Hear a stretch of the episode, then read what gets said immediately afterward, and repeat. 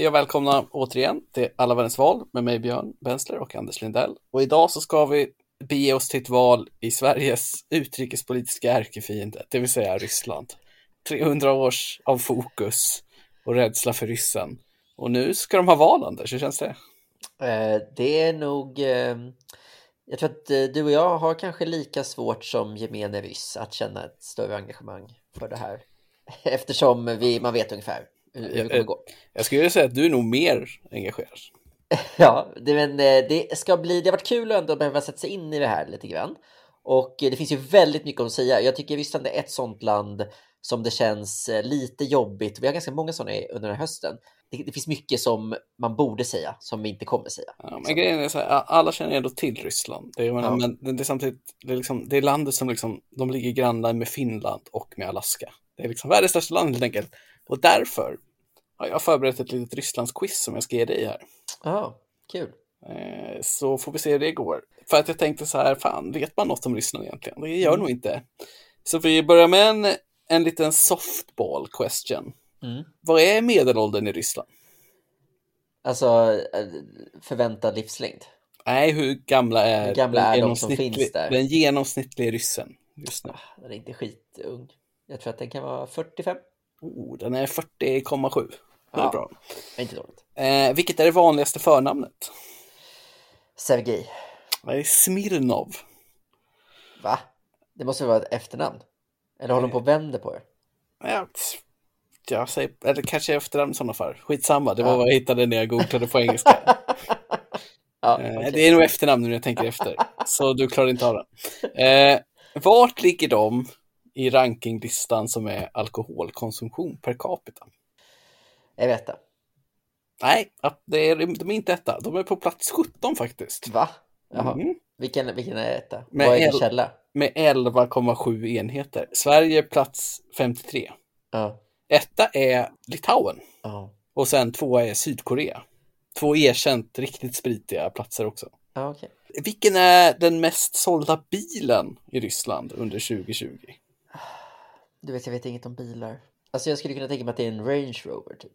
Nej, det är faktiskt så att det gamla hånade sovjetiska märket Ladan är Jaha. den populära bilen. Det är en Lada Granata som är den mest sålda bilen. Men finns de nyproducerade fortfarande? Ja, det, ja, det är ett stort modernt ryskt företag som gör mm. brandet lever liksom. Ja, och de hade fyra bilar på topplistan och sen var det ju lite Toyota och sånt där också. Men Lada Granata var etta. Hur ser då liksom levnadsstandarden ut? Vad ligger de på för BNP capita per dollar? Men jag, jag kan inte de där siffrorna i huvudet, men jag skulle jag skulle gissa att de är rankade liksom någonstans hund, strax under 100 i världen, 80 eller något sånt där.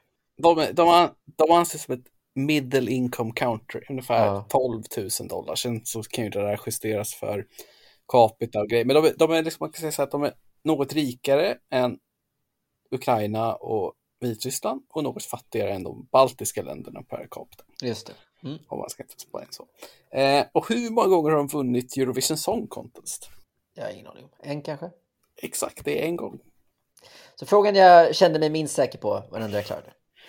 ja, så kan det gå. Om vi säger så här, det var quizet. Så Skönt. Nu känner vi att alla fått en så här intro till Ryssland. Det är inte mm. så supigt som man kan tro. Ladan lever och det är liksom det är lite middle of the road på liksom befolkning och inkomst. Ja. Ska vi prata om någonting som vi, vi kan någonting om då? Vad, vad skulle det vara då? Det ryska valet.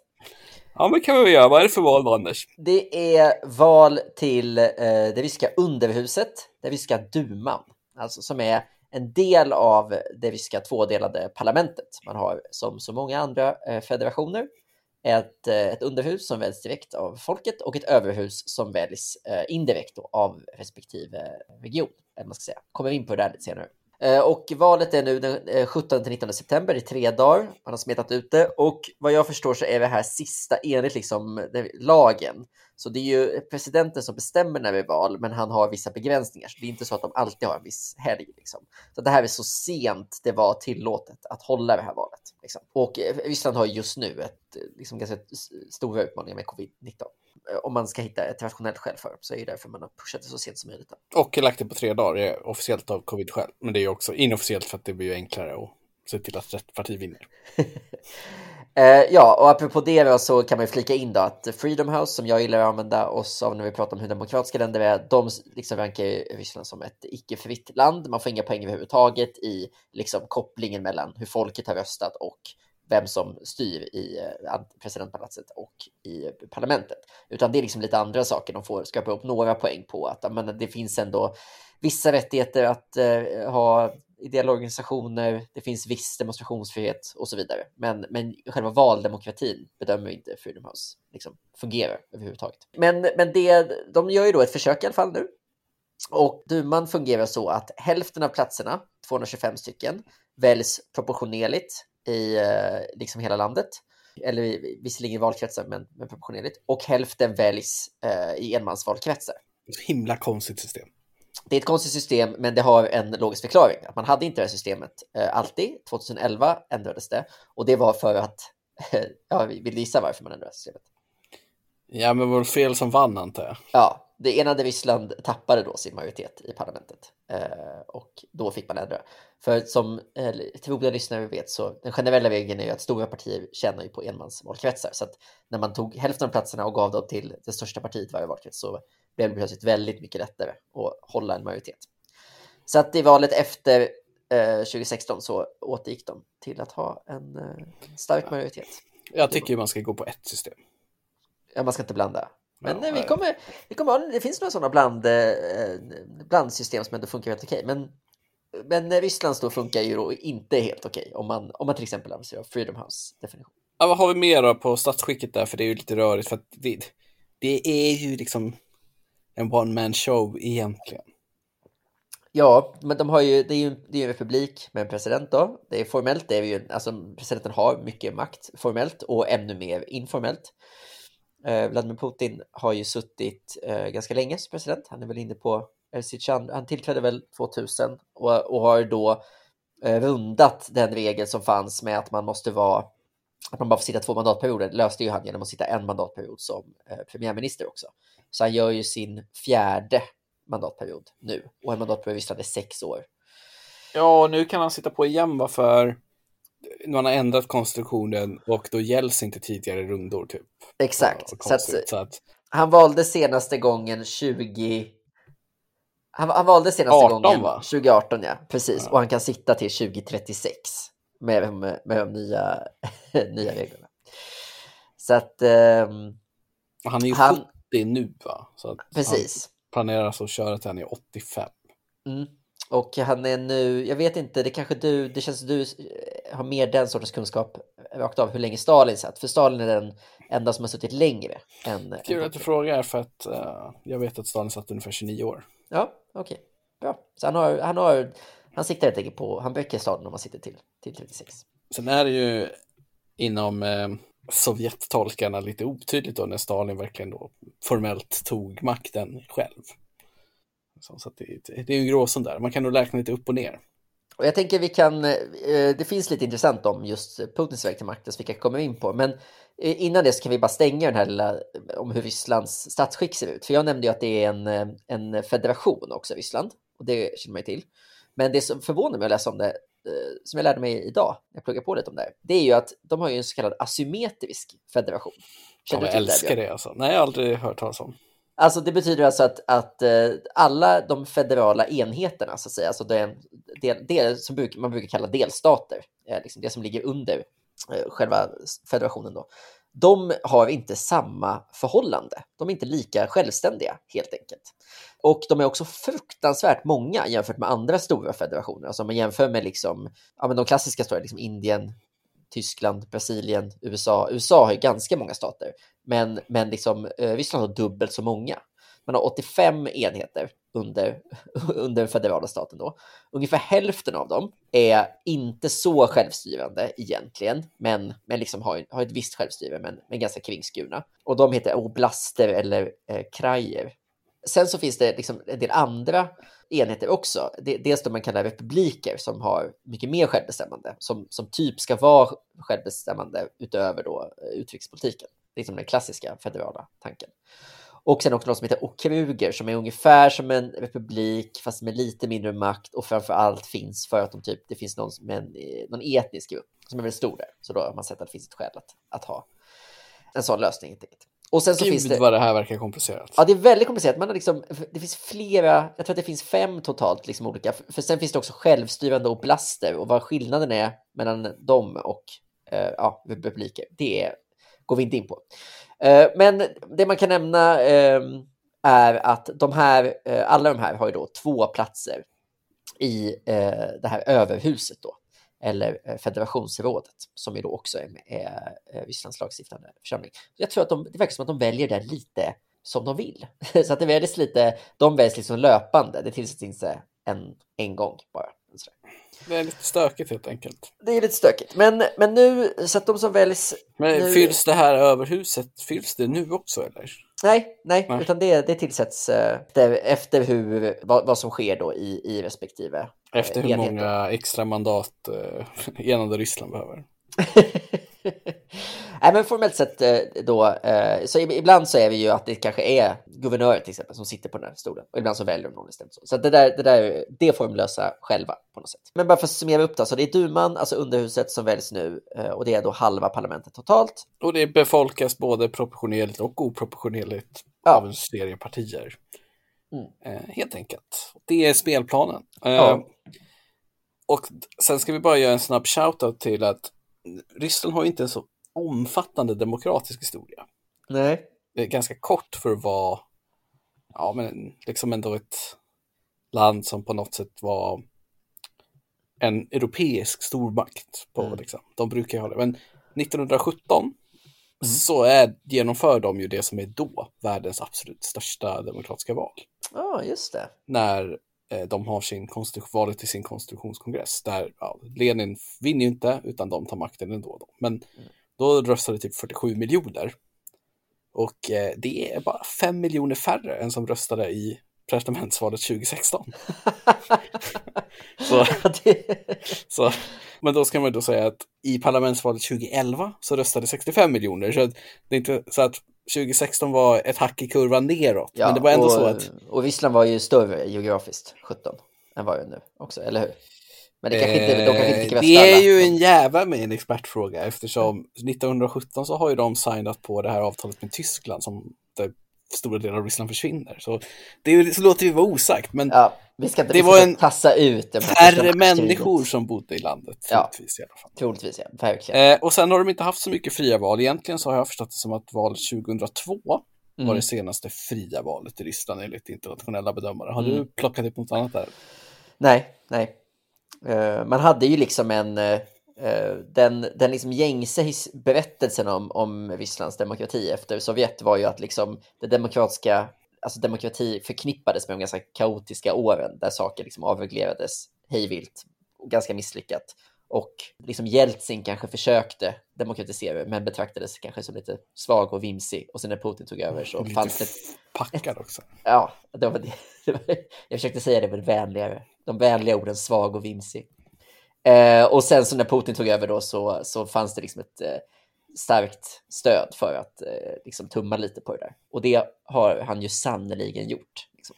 Ja, men till Jeltsins försvar kan man ju säga att han var ju bara en i ett långt led av kända liksom, yrkesalkoholister som styrde Sovjet. Det var inte som att Stalin och Brezhnev och Khrushchev var nykterister. Nej, det... Helvete vad det här dracks. Uh, sidospår. Ja. Uh, men det man kan säga om, innan vi går in på aktörerna, om, mm är ju att så här hipstriga internationella journalister och statsvetare tycker ju att Ryssland har ett helt unikt politiskt system i det här med en managed democracy. Där det liksom är en puppet master-roll som Putins maskineri har byggt om, där det hålls val, men där utkommen är känd, där oppositionspartierna är utvalda, där kandidaterna är utvalda. Alltså att man liksom har en mancherad demokrati mm. på ett sätt som inte Just riktigt det. finns. Där man liksom genomför val, men ändå har dem... Det liksom, om man tittar på parlamentet nu så finns det ju liksom inget riktigt oppositionsparti egentligen, även om det på pappret finns massor med oppositionspartier. man kan säga att andra länder som liksom rankas lika lågt demokratiskt, liksom beskrivs som lika odemokratiska, de har kanske till exempel ett enpartisystem, som vi pratar om i Vietnam och Laos och sådär, eller att de har, eller att, alltså att de liksom begränsar det direkt. Men i Ryssland så löser man det lite. Ja, det, det är mycket jobb för att liksom ändå hålla showen igång. Ja, nej, men det, det är en show verkligen. Det är liksom en hanterad demokrati. Och det är, där finns rätt mycket intressant skrivet om som vi absolut inte ska prata om här. Men att man liksom och att den här hanterade demokratin har börjat krackelera. Mm. Som man bland annat såg då i de här stora protesterna som var häromåret mot Putin mm. i de här delstaterna i östra Ryssland. Mm. Jag lyssnade på en, eh, som uppladdning för jag lyssnade jag på en podd som heter The Russia File, som, som är lite så oppositionell engelskspråkig eh, rysk podd. Och de resonerade om det här, men varför hålls valet nu trots att det liksom, ja, varför använder vi inte Putin liksom covid som ett sätt att ställa in valet? Och då menade liksom hon som var, var gäst där, som eh, en ganska känd människorättsaktivist som, som sa att så här, nej, men det är tvärtom. Det är viktigt för regimen att man håller val och att man håller liksom den sortens grejer. Det är liksom, de har mycket, mycket mer att, att förlora på att det här valet inte hålls. Liksom. Nej, så, så. Valet kan de kontrollera, men problemet är om det blir liksom protester mot valet. Då är det jobbigare. Liksom.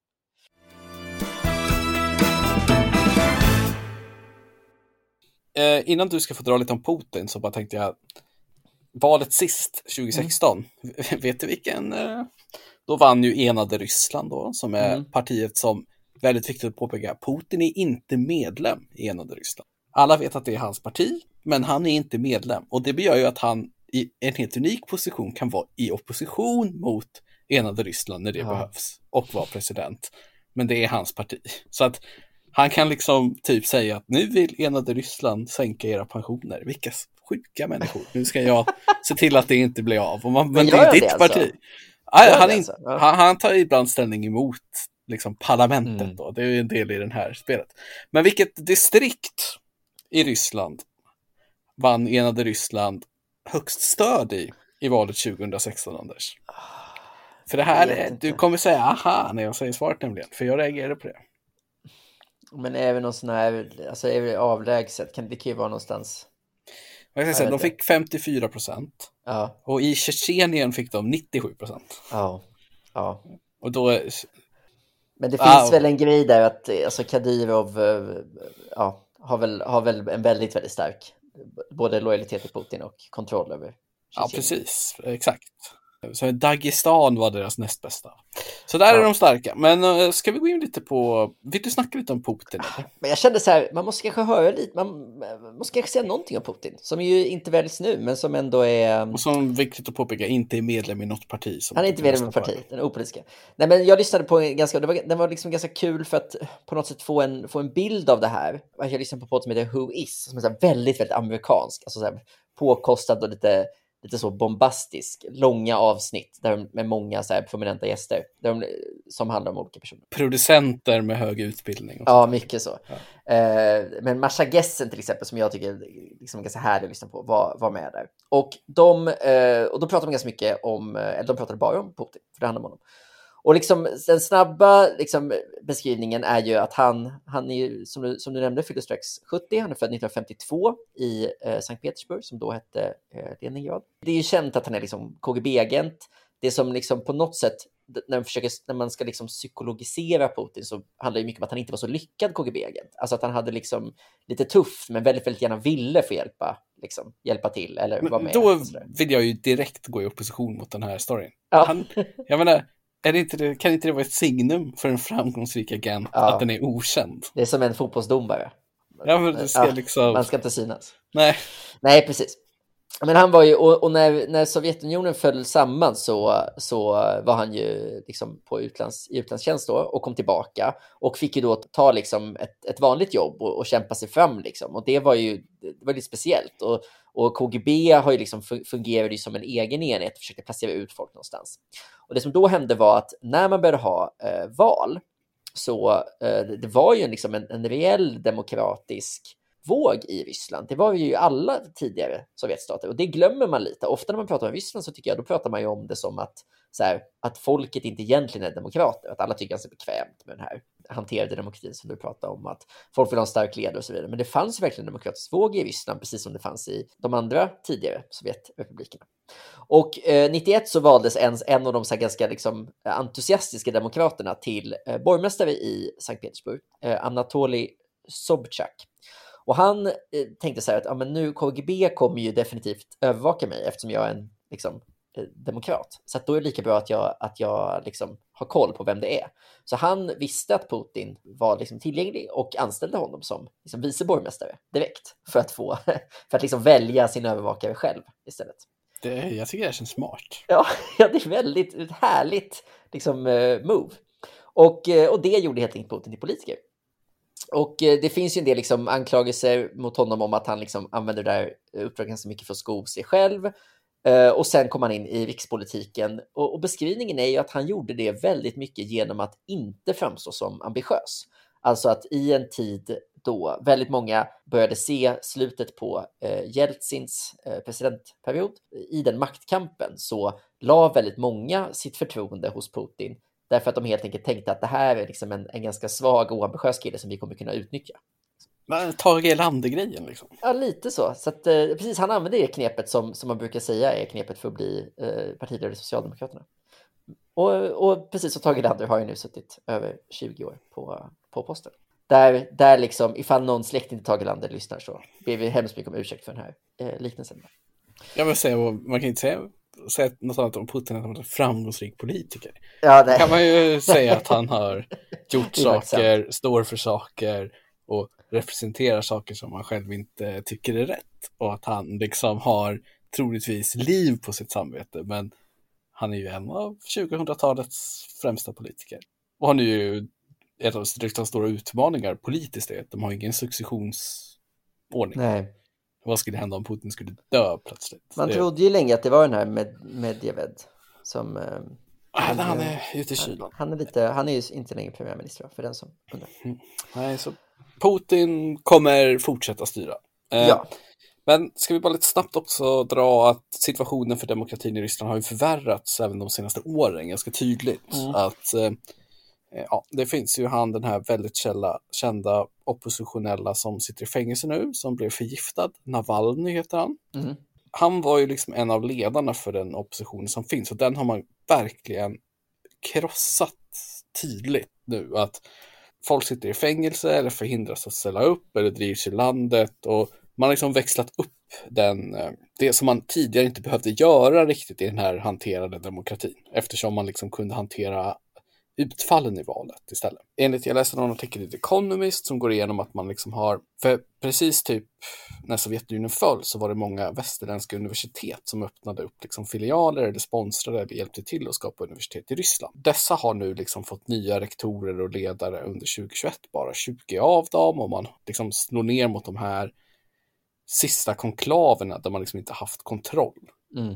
Och man har även då, det är också så här fyndigt hur auktoritära stater funkar, men eh, man har ju då givetvis gjort det olagligt att eh, protestera mot vissa saker. Mm. Om då ungdomarna uppmuntrar till protest mot sig Navalnys fängslande, då är ju de uppviglade till olaglig aktivitet och då kan de ju åka i fängelse. Så flera så här ganska halvstora poddare typ, mm. som är unga så här också liksom blivit slagna av lagen. Så, här. så man har varit, liksom, intensifierat sitt, sin, det som man börjar kalla för en crackdown mm. i, i, på engelska. Fram till det här valet på ett tydligt mm. sätt, alltså att man liksom verkligen tar kontroll över saker man tidigare inte har känt att man behövt ta kontroll över. Ja, men det där är intressant. Det finns också två intressanta exempel som jag i den här Russia Files-podden eh, som jag lyssnar på, som de nämnde med också valda politiker som, som man tar. Så att man, folk som har lyckats få ett uppdrag som man sen slår ner på.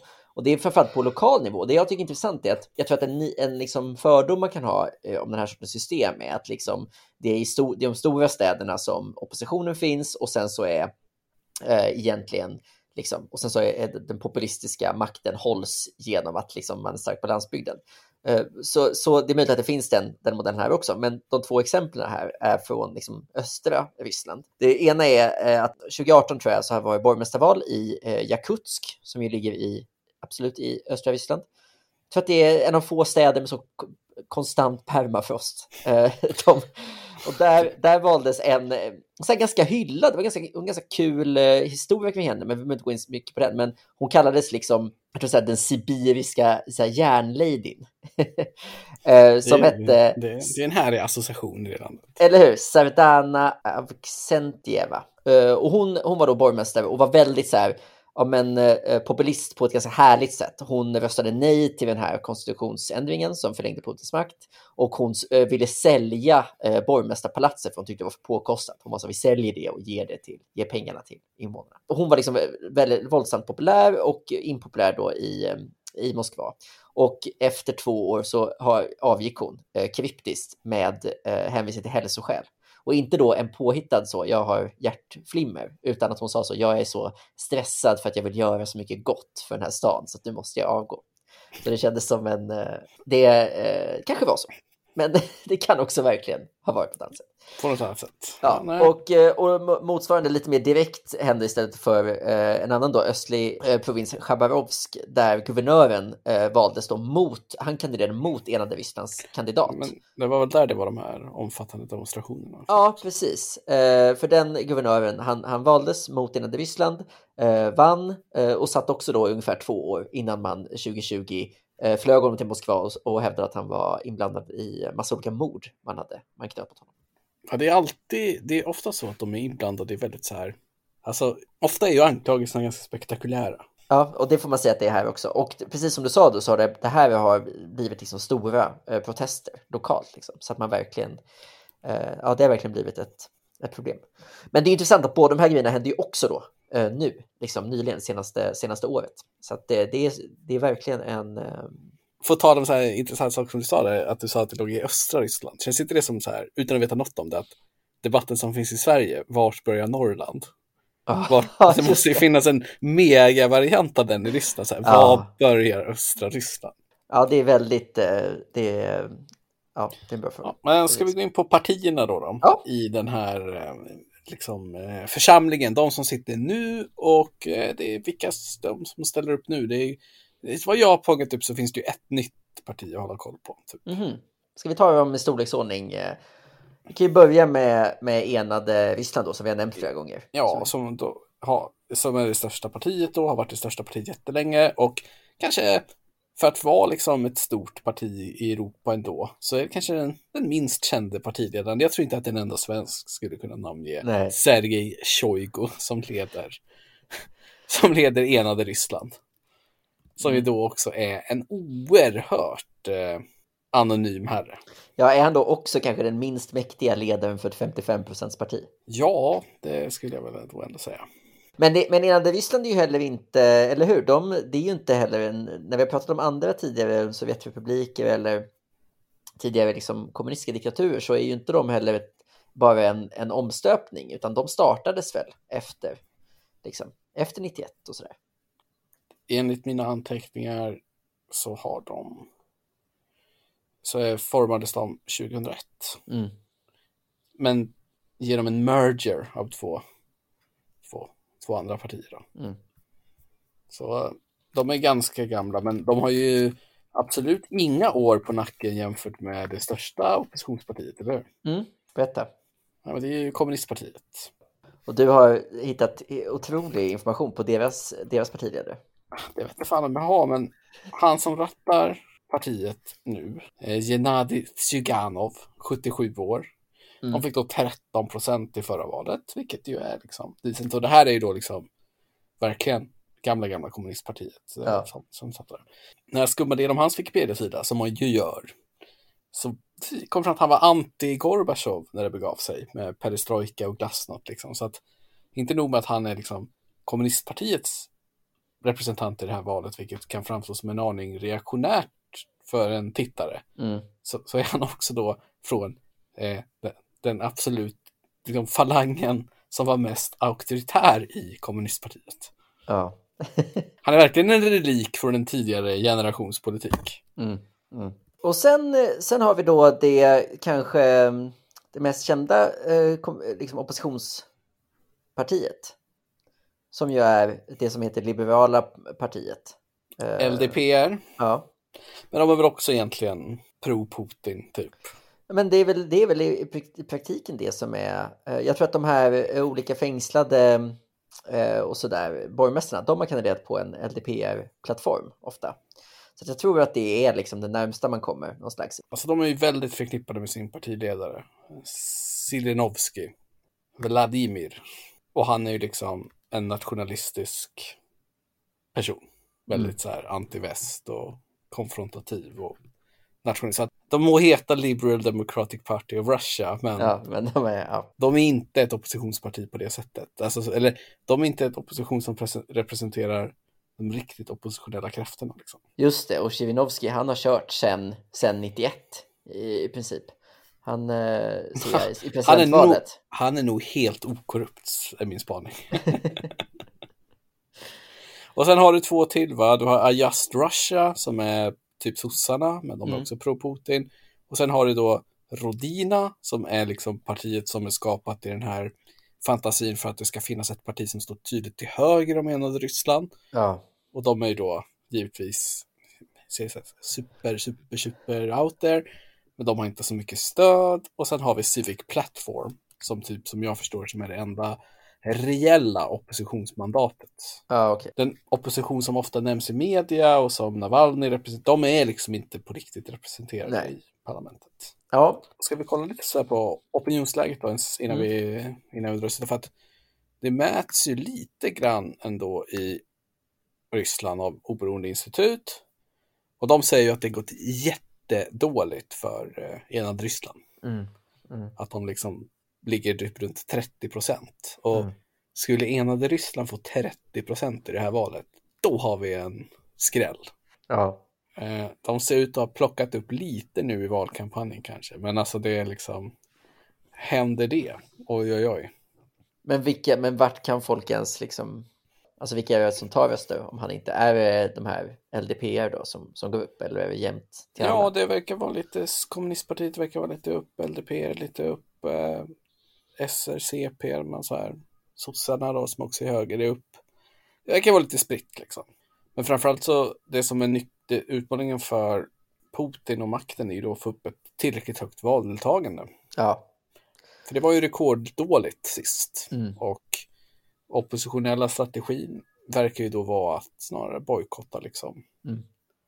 Än att rösta på partier som man inte vill representera. Det finns liksom inte en, en parlamentarisk opposition egentligen som fungerar, utan det som, det som finns är ju de här enstaka de här demonstrationerna runt om i, i, mot olika lokala frågor och så, där man tycker att makten missköter sig. Liksom. Det är det som är det jobbiga, inte att det kan bli ett valresultat som ställer till det. Nej, det som kan gå dåligt är ju att det är uppenbart väldigt lågt valdeltagande och att det kommer upp. Eh, för, förra valet 2016 så kom det ju ut ja, men video då som filmades där liksom ja, men uppenbart att det fylls på valsedlar i valurnor för att få upp antal. Alltså så här, det var mm. uppenbart valfusk, så det var pinsamt liksom. Såg oprofessionellt ut. Mm. Det var också någon som hade gått igenom att det var typ så här i ett område i Oblast så fick liksom enade Ryssland exakt 62,2 procent i hundratals vallokaler. Ja, liksom, ja det är inte heller Någon bara, va, hur kan det här gå till? Det absolut rimliga här är att det blir ett lågt valdeltagande och en klar seger för enade Ryssland. Och vad händer efter det? Ja, det vet ingen. Det är jättestor chans att det blir stora protester. Det, men lagarna kring att protestera och demonstrera är, skulle vi beskriva som drakoniska det är som vi, vi varit inne på, det finns ju liksom, ingen, liksom inga utfall av valet som är det som avgör rysk demokrati. Liksom. Nej, i alla fall inte det som är valen i valurnan. Utan... Ja, eh, Ryssland blir spännande. Ja. Vi går snabbt vidare här och kommer tillbaka nästa gång med vilket val då, Anders? Jag tror att det är Kanada. Det är jätteländernas eh, vecka här. Ja, just det. Det är Kanada som har en snap election. Ja. Mycket spännande. Det blir det. blir förmodligen mer ovisst än Ryssland. Ja, det är bra. På återseende. Ha det bra.